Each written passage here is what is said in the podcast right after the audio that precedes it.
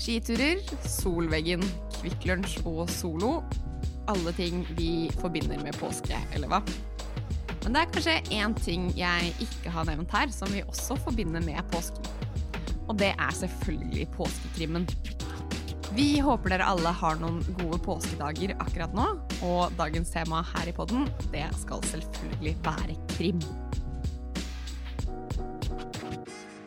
Mitt navn er Malin, og jeg er også kjent som ReadyGoRead på Instagram. Og med meg for å snakke om påske, krim og alt som følger med det, er Marte. Også kjent som Leseverden på Instagram. I denne episoden snakker vi om bøker vi har mottatt som leseeksemplarer fra Aschehoug, Cappelen Dam og Gyldendal. Leseeksemplarer er bøker vi har mottatt gratis fra forlagene, men det finnes ingen avtale om omtale av disse bøkene. Men før vi dykker ned i dagens tema, så skal vi jo snakke litt om hva vi har lest siden sist. Vi syns dette er en fin måte å holde dere oppdatert på hva som skjer i livene våre, og ja, det er liksom en fin måte å få trukket fram både nye og gamle bøker. Så Marte, hva har du lest siden sist? Eh, siden sist så har jeg lest lite grann. Jeg har utfordret meg med en novellesamling, faktisk. Det er litt gøy. Hva syns du om det? Jeg syns eh, Nå leste jeg 'Kan jeg bli med deg hjem' av Marie Aubert. Og det er jo en bok jeg har hørt om eh, mye tidligere, og den har fått god, masse gode kritikker og sånn, så jeg var veldig, veldig spent. Og jeg ble veldig eh, positivt overrasket, faktisk. Men da må jeg spørre, har du lest den eller hørt den på lydbok? Selv om begge to går under lesing. Men jeg bare føler at det kanskje kan påvirke novelleopplevelsen litt. Grann. Jeg har faktisk hørt den på lydbok. Um, jeg syns jo at den var kult lesing, fordi de har brukt veldig, eller flere ulike innlesere. Så man får et tydelig skille mellom de forskjellige novellene. Og det tror jeg er kjempebra. Ja, jeg syns det var en, en, lur ting å gjøre. Så for min del så tror jeg at denne leseopplevelsen for meg i lydbok var vel så fin, tror jeg, som på papir. Ja, det er jo liksom sånn Noveller er jo en kort og spennende Eller det er liksom en veldig sånn nær opplevelse, føler jeg ofte. Og da å på en måte få disse forskjellige personlige stemmene som forteller de små historiene, det tror jeg er et veldig godt sjakktrekk når det kommer til på en måte novellesamlingene. Og så er det dette med novelle, da, som hun, jeg syns var veldig bra her, at det er Den er liksom grotesk på mange måter. Den får meg til å stille mange spørsmål. Jeg vil ikke høre mer, jeg vil vite mer. Altså, det er en novellesamling som vekker mye følelser i meg. Ja, dette var en av de første novellesamlingene jeg leste, eh, og jeg kan kjenne igjen veldig mange av de tingene du snakker om. Og mm. jeg synes det er en Altså skal man begynne, og skal man prøve seg på noveller, så er definitivt den boken et veldig godt sted å starte. Selv om jeg ikke har lest så veldig mye annet og har det å sammenligne med. Men eh, ja, ja. Jeg har lest mye, mye noveller som ikke nødvendigvis er en samling, men mange noveller hver for seg. Oh, ja. eh, selvfølgelig gjennom type, jobben min i skolen osv. Så, videre, så leser man jo mye noveller i undervisningen. Ja, selvfølgelig. Men eh, som novellesamling så var det også ganske nytt for meg å lese en samling. Jeg har lest f.eks. Håndbok for vaskedamer tidligere. Den likte jeg også veldig godt. Men jeg tror nok Kan jeg bli med deg hjem av Marie Aubert er den novellesamlingen jeg er litt best til nå, fordi jeg ble så både, som sagt, både fysisk uvel, jeg ble glad, jeg ville, som sagt, ville ikke høre mer, jeg ville høre mer. altså det det var veldig mye følelser. Ja, veldig, det, er veldig, det er veldig gøy på en måte å få lov til å oppleve litteratur på en ny måte når man leser så mye som det jeg gjør. Ja, ikke sant? Mm. Det er jo alltid litt morsomt at du, du, prøver noe nytt hver gang du leser, og selv har jeg hørt en lydbok som jeg, altså Vi snakket jo om forventninger i forrige podkast, og den boka her har jeg hatt liksom så ekstremt mye forventninger til. Fordi det ble en sånn Bookstagram-snakkis, kan man jo nesten si. Og nå blir jeg veldig nysgjerrig. ja! Eh, en engelsk Bookstagram-snakkis, og jeg følte på en måte at alle i måte, det internasjonale samfunnet har lest den boka her, eller har snakket om den. Og, men så var jeg også veldig på måte i tvil på om det kom til å være en bok jeg ville like. Og det er da The Invisible Life of Addie LaRue. Har du hørt om den? Jeg har faktisk hørt om den gjennom, som du sier, Instagram-snakkis. Ja, for det er jo da VB Schwab som har skrevet boka, og hun har jo også vært en veldig sånn typisk bookstagram-forfatter. Det er liksom mm. veldig mange som har et forhold til hennes forfatterskap, da. Men jeg har jo sett både og at den har fått litt sånn lunken mottagelse hos mange. Hva syns egentlig du om den boken? Eh, jeg endte opp med å like den veldig godt, men det tror jeg var fordi jeg hadde satt forventningene mine veldig lavt. Hadde jeg liksom hatt de forventningene om at dette skulle være en ny, stor bok, så mistenker jeg at jeg kanskje ikke hadde likt den så godt. Men det var mye småting som jeg syns var interessant. Um, og så funka den veldig bra som lydbok for meg. Men det eneste jeg liksom lurer skikkelig på, og har nesten litt sånn problemer med, er hvorfor heter hun Addy?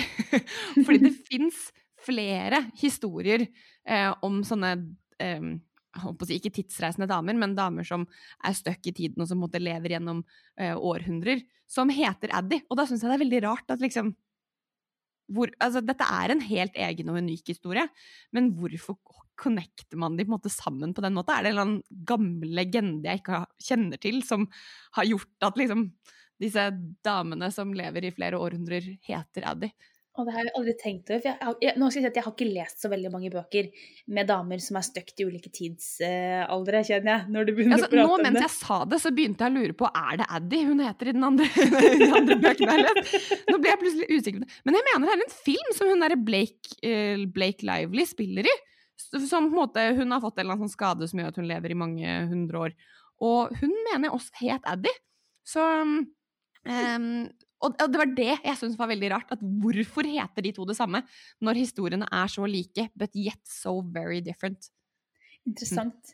Og så er det jo det som du sier nå, at du var nok ganske smart som klarte å skru ned forventningene litt også. fordi når man har sett, ikke blitt eksponert for en bok så mye i sosiale medier, så tenker man jo sånn OK, det er veldig, veldig mange som har lest og skrevet om denne boken. Mm. Da vil jo ok, da burde jeg like boken også. Det blir liksom litt, ikke press på å like, men man, man har en forventning om at denne boken skal man liksom like, da. Ja, ikke sant. Og det er jo litt morsomt der også, fordi jeg har jo Jeg nevnte vel i en av de forrige podkastene at jeg også har gledet meg til den boken som heter Redd deg selv først, ja. som er skrevet av um, Oi, nå sto det stille for meg. Men uh, Lene Julsen, som har skrevet den boka. Og hun har tidligere skrevet 'Naturmannen og jeg', som på en måte har vært en sånn en, nesten en bibel for meg. Jeg har liksom likt den boka så godt. Og når hun da kommer med en oppfølger som på en måte også er selvbiografisk og tatt ut fra eget liv, så blir jeg jo veldig nysgjerrig på ok, shit, hvordan, hvordan kommer jeg til å like det? Og den har jeg også nå fått lest. Um, likte den godt. Men jeg klarer jo ikke på en måte å connecte til den på samme måte som jeg gjorde med Naturmannen. Jeg liker veldig godt skrivestilen til Lene, og derfor liker jeg boka. Men selve tematikken i boken her, som er mer på en måte hennes vei ut av eh, depresjon og ganske heavy problemer, um, den, den syns jeg ikke på en måte er like interessant som andre elementer fra Naturmannen og jeg-boka, da. Men der også hadde jeg på en måte forventningene satt litt ned, fordi jeg visste at denne handlet om noe annet enn det jeg på en måte egentlig ville ha, da. Så veld, veldig gøy at måte, sånne opplevelser blir gode, selv om man er litt sånn nervøs i forkant. For det er en sakprosabok, ikke sant? Ja, det er en sakprosabok. Hun skriver, eh, hun skriver rett og slett om måte, seg selv og sitt eget liv og eh, sine opplevelser. Men, eh, men, hun har en veldig veldig kul måte å skrive og bruke språket sitt på. Hun har liksom rett og slett en skrivestil jeg connecter skikkelig med. Og det er litt morsomt, fordi jeg bryr meg jo normalt sett ikke om språk og sånt, men akkurat med henne så legger jeg merke til at hennes språk syns jeg er gøy og morsomt. Og det, det er jo på en måte veldig interessant. Og så tenker jeg sånn, når det kommer til sakprosa, da, så om forfattere skriver om to litt ulike temaer, det er mm. jo veldig individuelt hvordan type temaer man syns er interessant å lese om. Nettopp. Og at man da kanskje ikke liker eller liker en annen bok mindre, trenger ikke å handle om kvaliteten, men at man bare ikke interesserer seg for temaet i like stor grad, da. Nettopp. Og da er det jo, da er det jo veldig gøy å på en måte se sånne identifikasjon, identifikasjonsfaktorer Aner ikke om jeg sier riktig på ord her nå, men dere skjønner hva jeg mener. Yep. Um, da er det gøy at man ser disse tingene som måte Dette liker jeg med denne forfatteren, selv om jeg nødvendigvis ikke interesserer meg så mye for akkurat det de skriver om, da. Mm. Så det, mm, det syns jeg er gøy. Har du lest noe annet i det siste? Ja, jeg har akkurat begynt på en ny bok. Um, ja det passer jo egentlig veldig bra med temaet i dag, vi som er krim. Jeg har begynt ja. å lese krim. Det er jo som sagt påske, og må jo lese litt krim i påsken. Og jeg har jo nevnt, jeg har jo nevnt før i denne podkasten at jeg, jo, jeg, er godt i gang med Kepler. Nå... Ja, For du leser alt på nytt, eller hadde du lest det før? Nei, jeg har aldri lest, på, jeg aldri lest det før, så jeg leser det på en måte fra starten utover. Um, så nå har jeg jo Jeg leste på starten av året, så leste jeg jo eh, Kaninjegeren. Ja. Og den som kom før Stalker. Ja, stemmer det. Mm. Så nå har jeg kommet meg til Lasarus. Ja. Og det som jeg syns Uten å spoile noen ting, så begynner jo den boken eh, med en kriminal... Eller en hendelse som skjer rett borti nabolaget mitt her i Norge. ja, for det er den som har handling fra Oslo, det, ja. Ja! Og da ble jeg sånn Åh. Hvorfor må det handle om mitt nabolag? Da blir krim plutselig litt ekkelt og skummelt. Ja, for det er jo faktisk litt interessant ved på en måte kanskje spesielt krimmen, da. Om man Mm. kan kjenne det igjen i sin egne område, om det kanskje gjør det skumlere, eller kanskje til og med mindre skummelt å lese.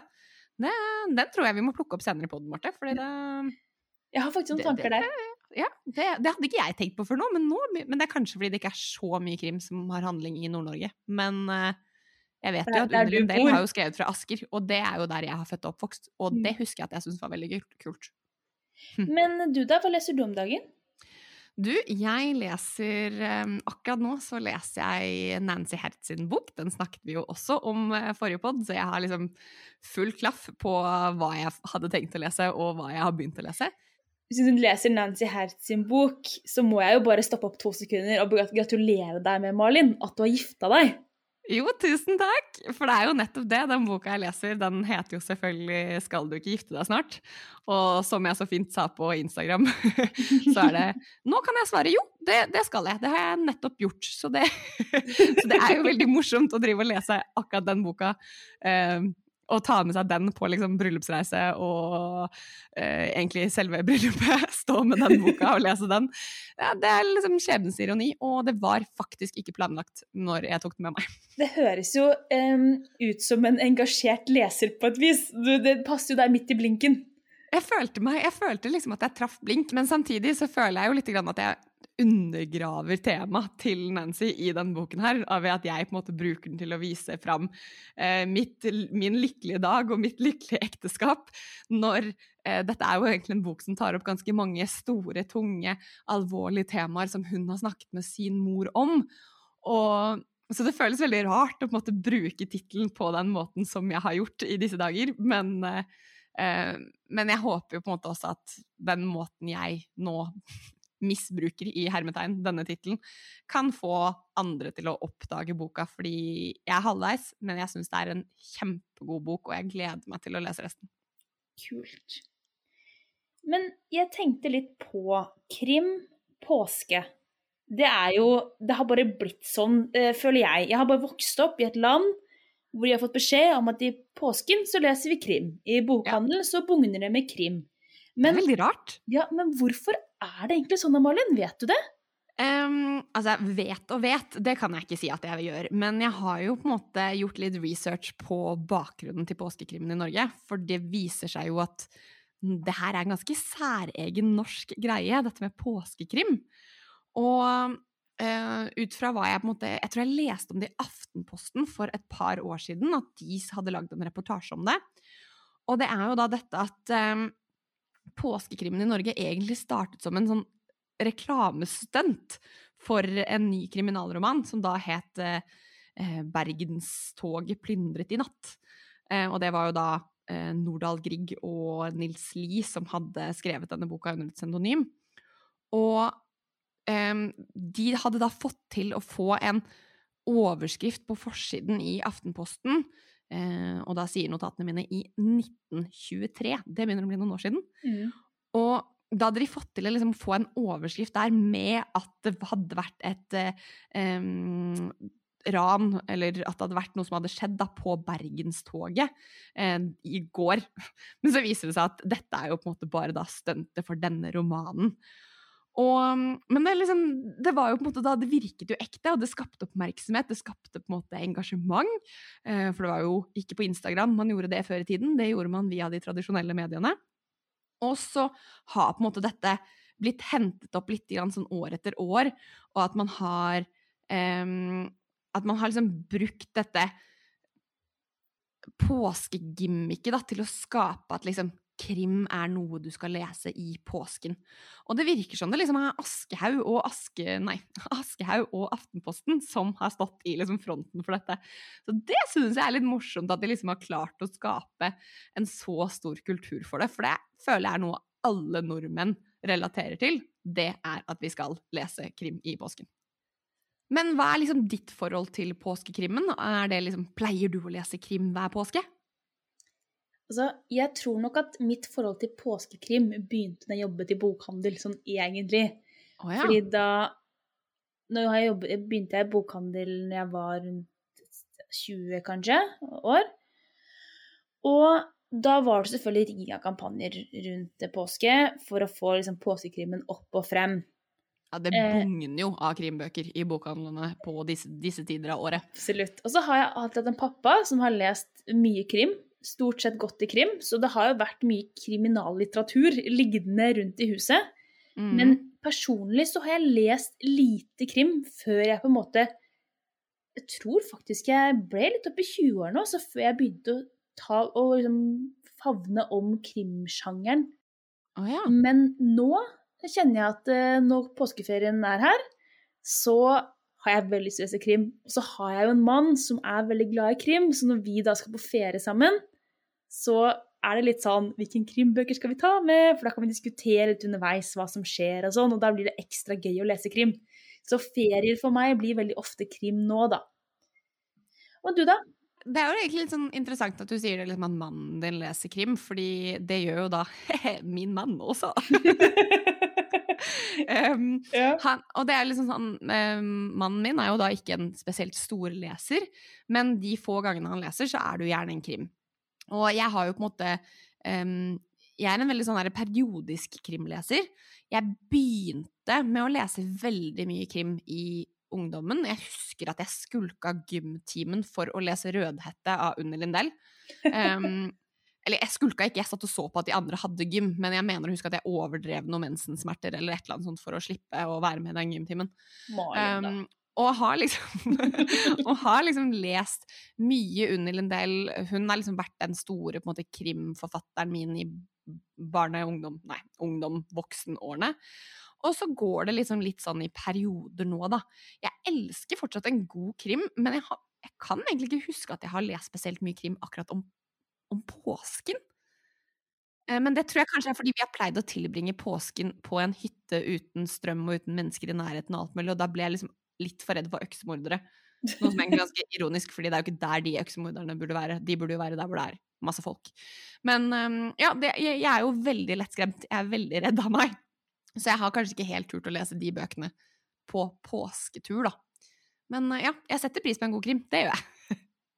det, jeg syns jo krim som sjanger er en sjanger jeg veldig ofte tyr til når jeg kanskje er i en liten sånn lesetørke, hvor jeg jeg aner ikke hva jeg har lyst til å lese, jeg bare står og ser på bokhyllen, og så vet jeg at f.eks. For den forfatteren sine krimbøker er spennende, og da, liksom, da kan jeg fortsette på serien, f.eks. Da vet jeg at da vil jeg få en bok jeg mest sannsynlig kommer til å like, og så er jeg i gang, og da er det lettere på en måte å ikke legge fra seg boken, fordi man er nysgjerrig på hva er det som kommer, hva er det som skjer.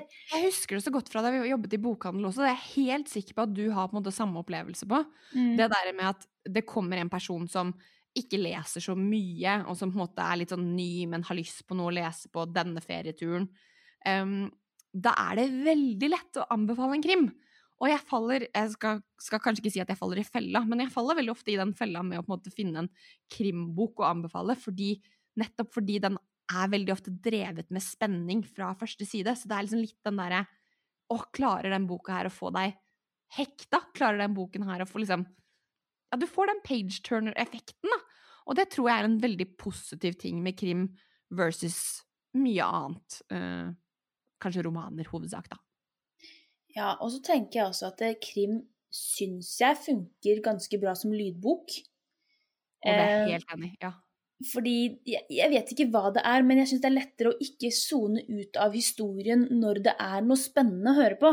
Jeg er veldig nysgjerrig på hva er det som skjer. I en roman så er det sånn Går du glipp av noen sider, så er det ikke verdens undergang på et vis. Men går du glipp av noe i en, i en krimbok, så kan du gå glipp av noe veldig viktig.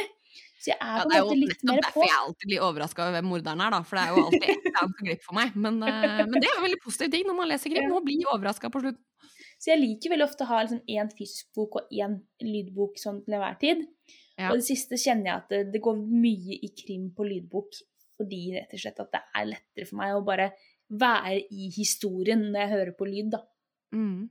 Jeg hadde en periode hvor Eller jeg er jo generelt en person som hører lydbok på engelsk.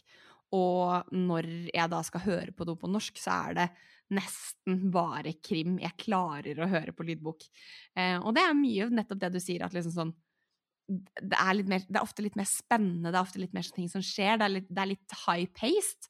Og da klarer jeg på en måte å henge med på den norske lydboken også, og syns det er greit å høre på.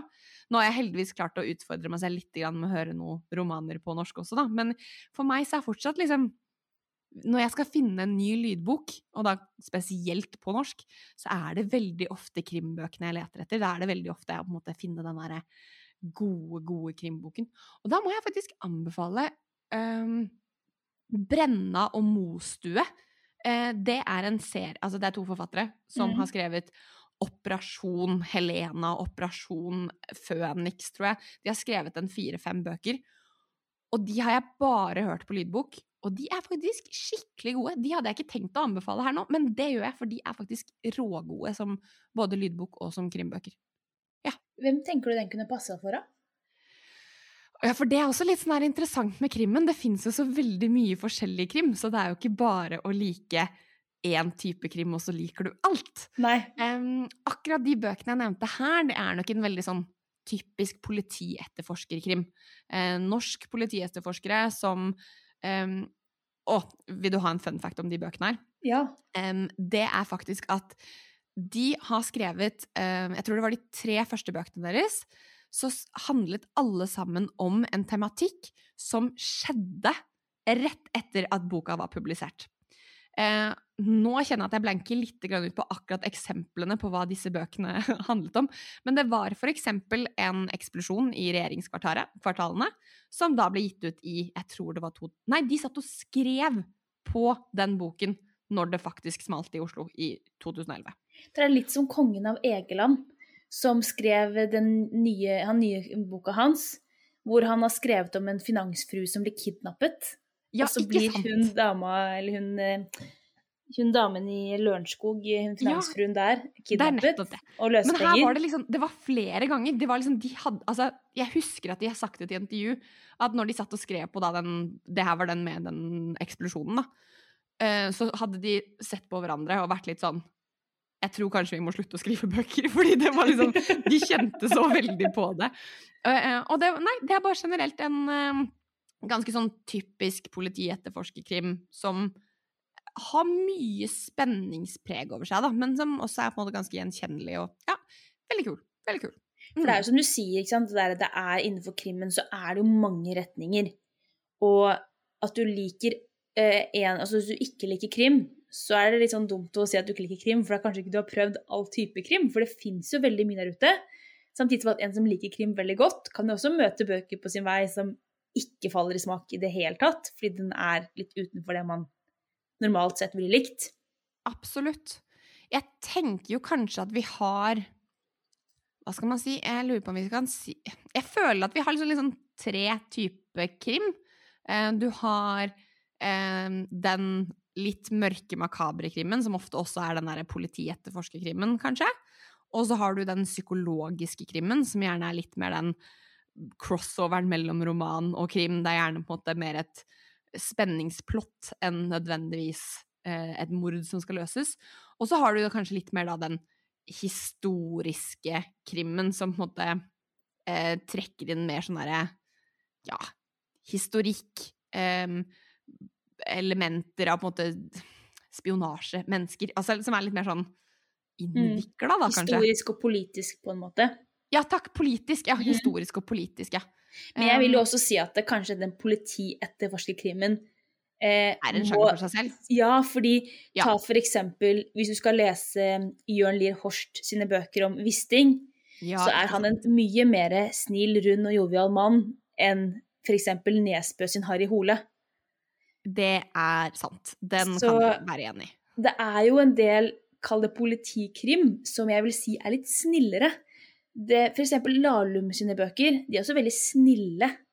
Ja, og de har jo også et preg av historie, da. De er jo, der er det jo mye historikk og andre verdenskrig og sånt, er det ikke det? Altså, det er jo mange av disse sjangerne som på en måte overlapper. Altså, det er jo det. Men det er jo veldig ofte når, du, når det du sier, at når eh, folk kommer inn, og får en særlig en bokhandel, og spør etter 'jeg vil ha en bok', så er det sånn veldig mange sier 'jeg vil ikke ha sånn skummel, grisete, makaber, blodig bok'. Ja, det er sånn ikke meg. ja, ikke, ikke sånn Nesbø og sånn, for eksempel. Ja, Det er det mange som kan mm. si. Mens både du og jeg, nå snakker jeg på dine vegne, men vi, vi liker jo den litt brutale, makabre krimmen. Det er så veldig rart, fordi som jeg sa på en måte i sted, jeg er jo egentlig ikke noe glad i å bli skremt, og liksom jeg ser jo ikke skrekkfilm eller noen ting. Men når jeg skal lese krim, så vil jeg ha det helst så mørkt og makabert som bare mulig. Um, det er jo vært litt diskusjoner rundt akkurat det i år også, men jeg tenker at måte Stefan Anem, for eksempel, han er jo en av mine all time favoritter. Altså, der er det noen mørke, forferdelige drap, men likevel så er det så mye historie som på at det fletter seg sammen, og som går i hundre forskjellige retninger, men så hentes alle trådene opp igjen til slutt. Altså, jeg syns det bare er helt fantastisk. Og den, altså, den serien der er noe av det Altså, det er rett og slett noen av favorittbøkene mine all time, tror jeg. Der har jeg lest, den- digger Anheim. der har jeg lest den første boka. Helt fantastisk. Og DNA er jo et eksempel Har du ikke lest hele serien? Nei, jeg har bare lest den første. Likte den kjempegodt. Jeg har bare ikke jeg har, Og jeg har alle bøkene stående i hylla, til og med. Jeg, fordi, Nå tuller du med meg? nei, fordi etter den første boken så likte jeg den veldig godt. Og som, som jeg sa tidligere, så er jo pappa en fyr som leser mye krim. Så Ja. Anem er jo en person som vi har kastet litt frem og tilbake. Mm. Og derfor, så- derfor så har jeg dem, fordi det er jo lett å gi bort eh, i gave til folk som liker litt makaber krim. Da bør man Ja. få Anhem. Men jeg har ikke rett og slett hatt tiden enda til å lese meg videre. Og det er liksom sånn Kanskje det er det jeg skal ta neste på leselisten min? Altså jeg kan si med en gang hvor jeg føler at det er viktig å si om Anhem. Eh, første boken hans, 'Offer uten ansikt', er dritgod. Andre boken hans, som heter 'Den niende graven', den er en prequel, og dessverre ikke like god som på en måte første boka. Den, den er helt grei, men den er ikke kjempegod. Og så eh, tredje boken, eh, 18 grader minus, er eh, god igjen, men ikke like god som første boka. Men så kommer de to siste, X måter å dø på og Motiv X, som bare på en måte tar hele denne serien og knytter det sammen til et fantastisk kriminelt univers. Altså rågode bøker. Ehm, ja, elsker dem. Elsker, elsker, elsker dem. For det er jo liksom sånn Kanskje det man ser med krim nå, da, er jo at det, det er jo ikke lenger bare et mord som ligger eh, som kjerne i boka. Det er veldig mye rundt. Det er nettopp det. Så når man på en måte blir glad i hovedpersonen, eller syns at universet er spennende, så tror jeg at jeg har mye større toleranse for å tåle en litt dårligere bok i, i en serie, altså en jeg ikke fenges like mye av, Ja. som jeg, hvis jeg hadde lest en romanserie med det samme. Jeg har jo et godt eksempel på akkurat det, og det er jo Yrsa Sigurdsdottir. Aner ikke om jeg sier etternavnet hennes riktig, men noe sånt. Um, Yrsa skriver også ganske mørk, makaber krim fra Island. Um, og hun har jo da på en måte to hovedkarakterer i bøkene sine som du på mange måter blir veldig glad i. Og hun har skrevet flere serier, så den serien jeg snakker om nå, det er den som heter Barnehjemserien, der hvor første boken i serien er DNA. Um, og det er også på en måte en av mine all time favorittkrimbøker. Men der har liksom Der har det vært litt varierende kvalitet i de forskjellige bøkene i serien. Men jeg vet på en måte hvor godt jeg i utgangspunktet liker skrivestilen hennes, og siden jeg vet at måte, det går litt opp og ned fra hver bok, så leser jeg på en måte alltid neste og neste og neste bok, fordi jeg på en måte vil følge mer med på disse politietterforskerne og på en måte de personene jeg følger i denne serien, da. Jeg har litt det samme følelsen når det kommer til Jussi Adler Olsen. Ja, Fordi- veldig godt. Mm. Fordi han begynte jeg på fordi jeg var ferdig med Nesbø. Og så tenker man man har jo lyst til å lese Danmarks svar på Nesbø, som han egentlig kalles liksom sånn litt på øh, gatespråket, holdt jeg på å si. Han, han er jo det. ja, eh, Og da leste jeg første boka. Åh, fantastisk. Andre boka sleit jeg litt med. Men jeg kommer til å fortsette på den serien nå bare fordi jeg syns at karakterene er kule, og jeg liker liksom konseptet, og jeg liker Mm. oppbygningen. Men har du noen andre favoritter? Altså, har du noe altså, For du er jo også sånn som liker mørk og makaber, men leser du på en måte noen annen type krim også, eller er det bare mørkt og makabert når du skal velge litteratur? Jeg har jo Når jeg begynte kanskje krimkarrieren min, når jeg tenker meg om, så begynte jeg å lese Dan Brown sine bøker. Ja. Han er nesten glemt. Og ja, fordi det er jo eh, spenning. Altså, det er sånn driv i litteraturen hans. Altså, jeg, jeg, blir, Mm. jeg er svett når jeg leser, fordi jeg er Altså, jeg blir så revet med av de bøkene. Så hvis vi måte kan trekke inn en litt annen sjanger, så vil jeg kanskje si liksom Dan Brown, Tom Egeland, noe der jeg likte veldig godt. Jeg har ikke lest så mye av han, men jeg har lest et par, f.eks. Den 13. disippel, som er ganske så lik. Eh, oppbygningsmessig Kanskje ikke like sånn intens som Dan Brown får til, men Men de sammenlignes jo veldig. Ja, fordi det er den historiske varianten. Og jeg- hvis ikke det er helt feil, så var jo Egeland mye tidligere ute med å skrive sånn her type krim enn Dan Brown. Så han prøver ikke å etterligne Dan Brown, på en måte, men han blir kanskje liksom sett på som en etterligning, selv om kanskje han egentlig er originalen. Ja, jeg vet det. Jeg, jeg har tenkt mange ganger på det, men Ja. eh, jeg tror Egeland får den anerkjennelsen han skal ha for, det, Ja, jeg er for den jobben han har gjort, altså. Men har du lest uh, Jeg er pilegrim? Oh, det var det jeg skulle nevne akkurat. Fordi mm. den også gir meg litt den samme intense drive-følelsen jeg leste den. Altså, hvor tjukk er ikke den boka? Du, jeg leste den på en dag, jeg, Malin. Ja, jeg, det var akkurat det jeg også skulle si. Jeg tror det er sånn Ja. Den er vel sånn 800 sider eller noe? Jeg vet ikke, den Og jeg er leste altså, så jeg, jeg klarte ikke legge den fra meg! Ikke heller. Og den boken, den ødela ferien min, fordi jeg begynte ferien med den boka, og så leste jeg eh, 'Piken på toget', som også er en annen krim, som boka rett etterpå. Oi, Og da ble oi. fallhøyden så stor at jeg fikk et inntrykk av at jeg er en person som ikke liker psykologisk krim. Så 'Jeg er pilegrim' for meg var altså så fantastisk at det gikk an å leve opp til den boka etterpå.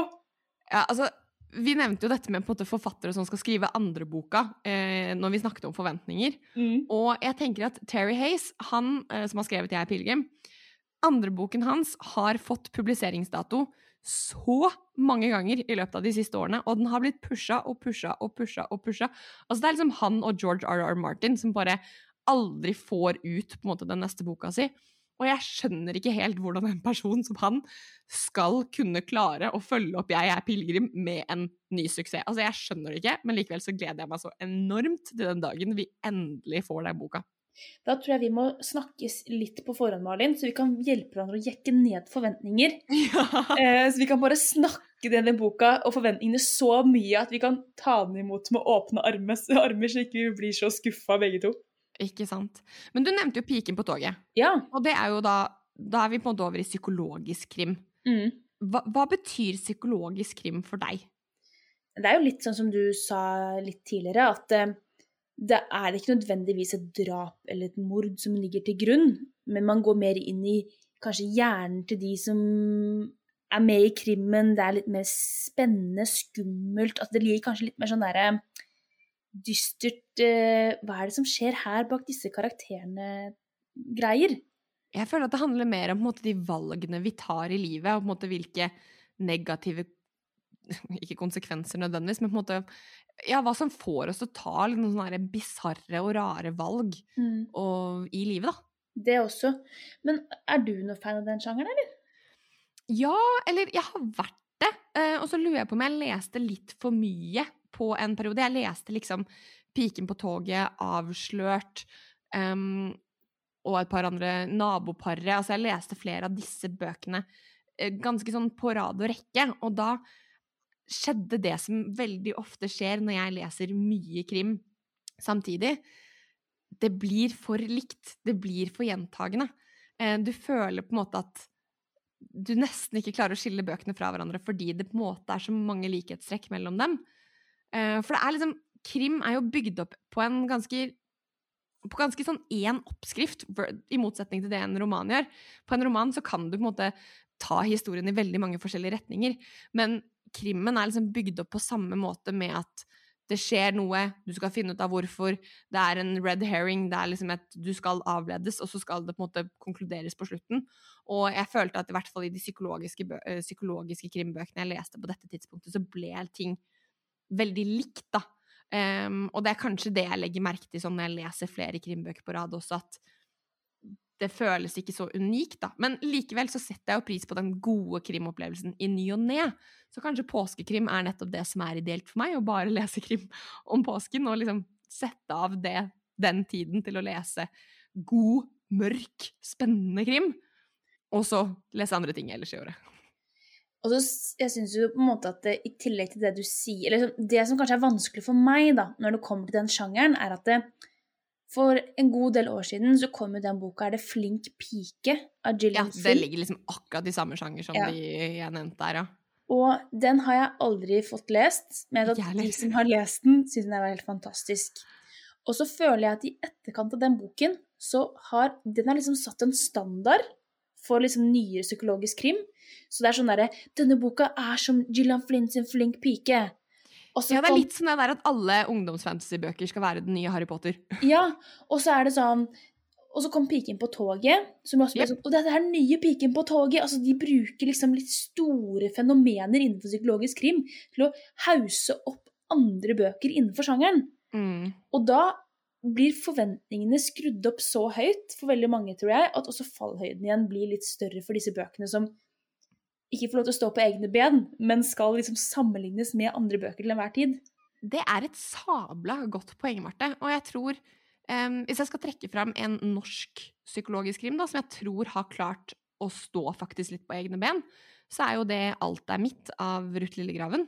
Mm. Det tror jeg er en sånn psykologisk krim som på mange måter kan sammenlignes med alle disse bøkene vi har nevnt, men samtidig så har den ikke blitt like på en måte markedsført som det. Den har på en måte fått gått litt sånn ja, vokst på egen hånd, da. Vokst til og på en måte funnet sitt publikum på egen hånd. Men det er liksom sånn, liker du psykologisk krim, så er det definitivt en bok du bør sjekke ut og bør lese, da. Mm. Og den også, men den igjen har gjort noe litt annerledes. Den har jo valgt eksempel å bruke to ulike målformer i samme bok. Mm. Eh, både nynorsk og bokmål annethvert kapittel. Ja. Eh, så den har på en måte Den har også gitt et slags tilskudd, da. Vært litt annerledes på den måten også. Språklig sett, ikke bare innholdsmessig. Det er én ting med krim jeg har tenkt veldig mye på, faktisk. Eh, og det er noe med disse politietterforskerne, eller disse etterforskerne i krim, jeg har bedt meg veldig merke i. Fordi okay. hvorfor skal det alltid være noe gærent med de? Det tror jeg nesten vi kunne hatt en hel podkast om, om måte, kjønnsstereotypier og på en måte, typiske trekk ved disse politietterforskerne. Fordi fy fader, ass, hvis alle de flinkeste politietterforskerne vi har i Norge, er holdt på å si, representert i bøkene, så står det faen meg dårlig til med de poli norske politistyrkene, altså! Det er jo alkoholisme og skilsmisser på høyt nivå. Men det er altså, de klarer liksom ikke å ha eh, en, en karakter som bare er liksom Hei, jeg er politi, og jeg er helt normal. Altså sånn, det er liksom du sier, det er noen uekte barn og sånne ting. Det kan, det kan jo lett liksom dra på seg, sikkert. Men de er alkoholikere. De mister fingre, ikke sant? Type Nesbø. Så har du til og med i boka til han godeste mm, Egeland Han er albino. Klarer ikke det. Altså, det er sånn, De må alltid liksom bare ja, De må liksom alltid bare finne på noe for å krydre karakteren. Ja, og det lurer jeg liksom litt på om kan være noe um, krimbøkene kanskje må lære litt mer av fra romanene. på en måte det er lov til å måte bygge opp karakterene sine på andre måter enn det alle andre gjør. Altså sånn, man, hvis du trenger på en måte en ødelagt personlighet for å gjøre boka di interessant Nja, jeg tror kanskje ikke jeg skal fullføre den setningen. Nei, men det er det, det, er jo det som på en måte gjør eh, mye krimlitteratur i dag for meg litt sånn i grenseland mellom hva er egentlig krim lenger, og hva er en spenningsroman, hvis du kan si det det. Ta um, Hjorte Rosenfeldt-bøkene. Sebastian Bergman han er psykolog, han er jo ikke politi heller, men han er jo liksom selvfølgelig innblandet i etterforskning. Sexavhengig.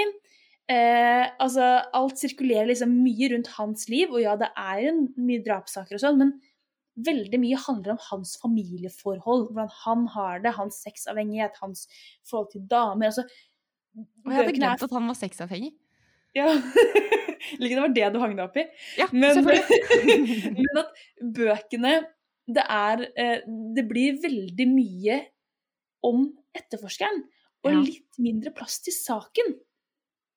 Det kan for meg iblant bli litt irriterende også, fordi jeg leser jo krim fordi jeg vil ha Jeg vil ha blod, jeg vil ha gørr, ikke sant? Jeg vil ikke bare ha Nå er vi jo forskjellige da, Marte, men jeg, jeg skjønner jo veldig godt hva du sier. Og da kan man jo egentlig stille spørsmålet hva skiller krimmen fra romanen, og hva skiller romanen fra krimmen? Altså, hva er egentlig forskjellen på disse to bøkene, og skal vi putte dem i bås?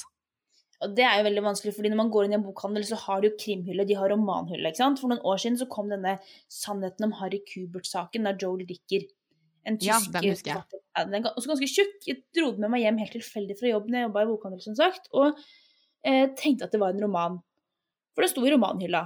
Begynner å lese, og så er det en journalist, da, som skal eh, håper å si, grave opp et gammelt lik i, i skogen, og så handler hele boken om at han skal prøve å finne ut av hva som har skjedd. Han er ikke politietterforsker, han skal bare skrive bok om det.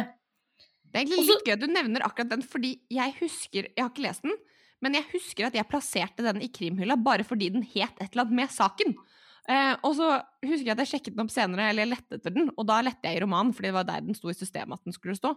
Mm. Men der fant jeg den ikke, for jeg hadde jo satt den på krim. Eh, og det tror jeg er en evig diskusjon med den boka der, om den hører til på roman eller krim. Men sånn er det med mange bøker, og jeg likte jo sånn om Harry Kubert-saken veldig godt. Det var en av de Jeg fikk en sånn derre wow, skikkelig sånn opplevelse. Så dessverre TV-serien ble superskuffa. Å, det er så Eh. Altså, jeg må legge til at hovedkarakteren som altså, Det er noe med å lese eh, om eldre menn og yngre kvinner. Det går liksom an. Du har på en måte ikke samme sånn, grafiske bilder nødvendigvis når du leser, men når du får servert det i en TV-serie eller en film, så sliter jeg plutselig veldig mye mer med å se eldre menn med altfor unge jenter. Ja, Så for meg ble den serien- Mm. Så for meg ble liksom den serien bare Nei, Den gjorde seg mye, mye bedre som bok. Ikke at det er greit uansett, men det, det, det ble veldig merkelig. Ja, ikke sant. Det var vel noe med på en måte hva, fan, hva fantasien lot deg tenke på og ikke tenke på vers, i bok versus uh, TV-serie, liksom. Man er litt snillere i fantasien ellers. Jeg må si det. Men nå føler jeg altså sånn eh, jeg føler at det er veldig mange flere ting vi kunne snakket om når det kommer til dette med krim. Jeg har lyst til å nevne eh, for eksempel da denne debatten som ble tatt opp tidligere i 2021 med Katrine Krøger som skriver i Dagbladet liksom, hva faen, Sverige, og retter kritikk mot alle disse avskyelige hendelsene og misbruk av barn og eh, mye av de, liksom, det groteske i krimlitteraturen. Og det er jo litt morsomt siden jeg sier at måte, jeg liker det mørke og brutale. Men det er på en måte også et såpass stort tema at jeg føler at jeg ikke har kunnskap eller kapasitet til å gå inn i det.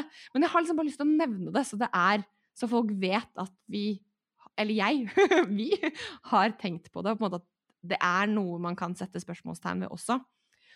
Og så lurer jeg liksom på om vi skal kanskje begynne å se litt framover. Fordi det kommer jo hele tiden så mye ny, god litteratur, og da kanskje også spesielt måte, krimlitteratur. Og da lurer jeg jo på har du, har du sett noe på liksom hva, hva skal folk lese til påske i år? Hva skal du lese til påske i år? Jeg har veldig mange krimbøker liggende, og jeg har jo veldig veldig lyst til å fortsette på mange av disse seriene jeg er i. Jeg har lyst til å lese eh, den nyeste til Altså fortsette på Kepler, for jeg er veldig inne i den nå og syns det er kjempespennende. Men jeg har også fått litt nye bøker i posten i det siste som også virker veldig interessante. Vi snakket jo sist eh, podkast om Poppy, eksempel. Ja, den har jeg lest allerede. Ja, den kunne jeg gjerne tenkt meg å lese. Ja, Den tror jeg du skal sette på lista. Ja, Den virker liksom så samfunnsaktuell, samtidig som at den har jo, som vi nevnte, blitt plukket opp av um, Nesbø sitt forlag i utlandet. Så den har liksom fått Hype. eh, både, ja, både hype, i hype i Norge og litt i utlandet allerede. Og så er jo det hun sa at jeg kanskje ikke var så fan av psykologisk krim, men jeg har lyst til å lese den derre Lang lysende elv. Eh, Ja, som, More, eh, er det det forfatteren heter? Og Det tror jeg står litt stille for meg. Ja, men det er greit. Ja. Eh, jo, den siste boka jeg tenker jeg har veldig lyst til å lese, er en bok som ble på Kagge for ikke så lenge siden, som heter Molin og Nystrøm. Eh, det siste livet. Åh, den har jeg liggende her rett ved siden av meg, som en av de bøkene jeg også har lyst til å få lest. For jeg allierer meg jo ofte med de rundt meg, også hvis ikke jeg, jeg rekker å lese alt selv, sånn som pappa leste den der før meg. Og iblant så får jeg til, gitt bøkene tilbake i retur med beskjed om at denne må du kanskje faktisk lese, for den er veldig spennende. Og det var en sånn type bok. Og vi har ganske lik smak når det kommer til krim. Så jeg tror den kommer til å falle sikkert av både meg og deg. Okay, eh, det lover jo skikkelig godt, for jeg har liksom hatt den liggende og har hørt en del godt om den og liksom blitt litt sånn nysgjerrig på den. Men jeg har vært litt usikker. Men OK, it's gonna happen. I'm gonna read it. It's gonna be my påskelesning. og du, da? Har du i tillegg til den, eh, har du da tenkt noen andre bøker, eller? Ja, um, det har egentlig vært ganske mange interessante krimbøker på lista i år. Men jeg har um, både fått høre om en krimbok som har blitt anbefalt til meg uh, direkte fra forlaget. Jeg fikk beskjed om at dette var noe jeg kom til å like. I tillegg til at jeg har allerede følgere som har sendt meg en melding og sagt den her må du lese, det her tror jeg du kommer til å like. Og det er Nå er jeg spent. Ja, nå, er, nå, kan du, nå, kan vi få trommevirvel her. Um, 'Elskede barn' av Roomy Houseman. Um, jeg har helt ærlig ikke lest veldig mye bakpå den eller noe, men jeg har jo fått liksom disse tilbakemeldingene allerede, så jeg tenker at dette er folk som kjenner meg, som har fått med seg litt, litt hva jeg liker. Så den, den, den står høyt, altså. Den tenker jeg at jeg skal få lest. I tillegg så kan vi også nevne at i Bokklubb med Marte og Malin akkurat nå, så leser vi også en krim. Og du har ennå tid til å være med på den samlesningen sammen med oss. Og da skal vi lese Utmarker av Arne Dahl. Og her må jeg på en måte bare skyte inn at den har blitt personlig anbefalt til meg fra Stefan Anhem selv. Så den tenker jeg at det kan jo ikke være noe annet enn bra. Jeg gleder meg skikkelig til å lese den, og den har også samboeren min mannen min lest. Um, og han er liksom langt ute i den serien, så jeg tenker at det også kan bli en skikkelig bra påskeread, altså. Og hvis du har lyst til å lese den sammen med oss, så kan du søke opp Bokklubb med Marte og Malin på Facebook og bli med i gruppa vår der. Så finner du mer detaljer om hvordan du skal kunne lese krim sammen med oss. Ja, og det er altså sånn, da samles vi liksom i etterkant og snakker litt om den og sånn, og det det tror vi blir skikkelig bra. Det er alltid veldig gøy. Det har vært veldig interessant å diskutere krim med deg, Malin. Jeg får jo så mange gode innspill på hva jeg burde lese fremover selv. Det er jo et tema som Eller en sjanger som jeg liker, men som Og når vi da på en måte liker mye av det samme, så er det jo ekstra gøy å få litt input, samtidig som at du er nok utforsket litt mer inn i andre typer krimsjangre enn meg. Ja, så jeg det var, ja, Dette var en veldig interessant pod. Vi hadde mer å snakke om enn jeg tenkte. Og jeg føler også at det er såpass mye vi kunne ha snakket om. Så temaet var plutselig litt større og litt bredere enn det jeg hadde tenkt. Men jeg håper at vi har kommet med noen anbefalinger som kanskje er litt ukjente for noen der ute, da. Jeg kommer i hvert fall til å notere meg et par etter påske så kommer du det er jo en, eh, Våren er jo fylt med helligdager, sommerferie der rundt hjørnet, og jeg er jo generelt glad i å lese krim på ferie. Så da kan du kose deg litt ekstra med krimbøkene. Ikke bare i påsken, men eh, ellers i året også. Absolutt. Generelt så må vi bare si tusen takk til alle dere som hører på, til alle dere som sender oss meldinger og som deler på Instagram at dere hører på poden vår. Det setter vi enormt stor pris på. Vi håper jo selvfølgelig også at du har lyst til å legge igjen en liten sånn anmeldelse eller rating hvis du eh, liker det du hører. Og hvis du har noen tilbakemeldinger eller ting du har lyst til at vi skal ta opp, send oss en melding.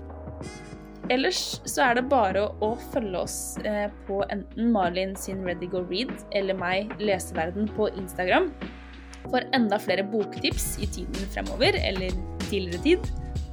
Og med det så kan vi bare avslutte med å si god påske. God påske!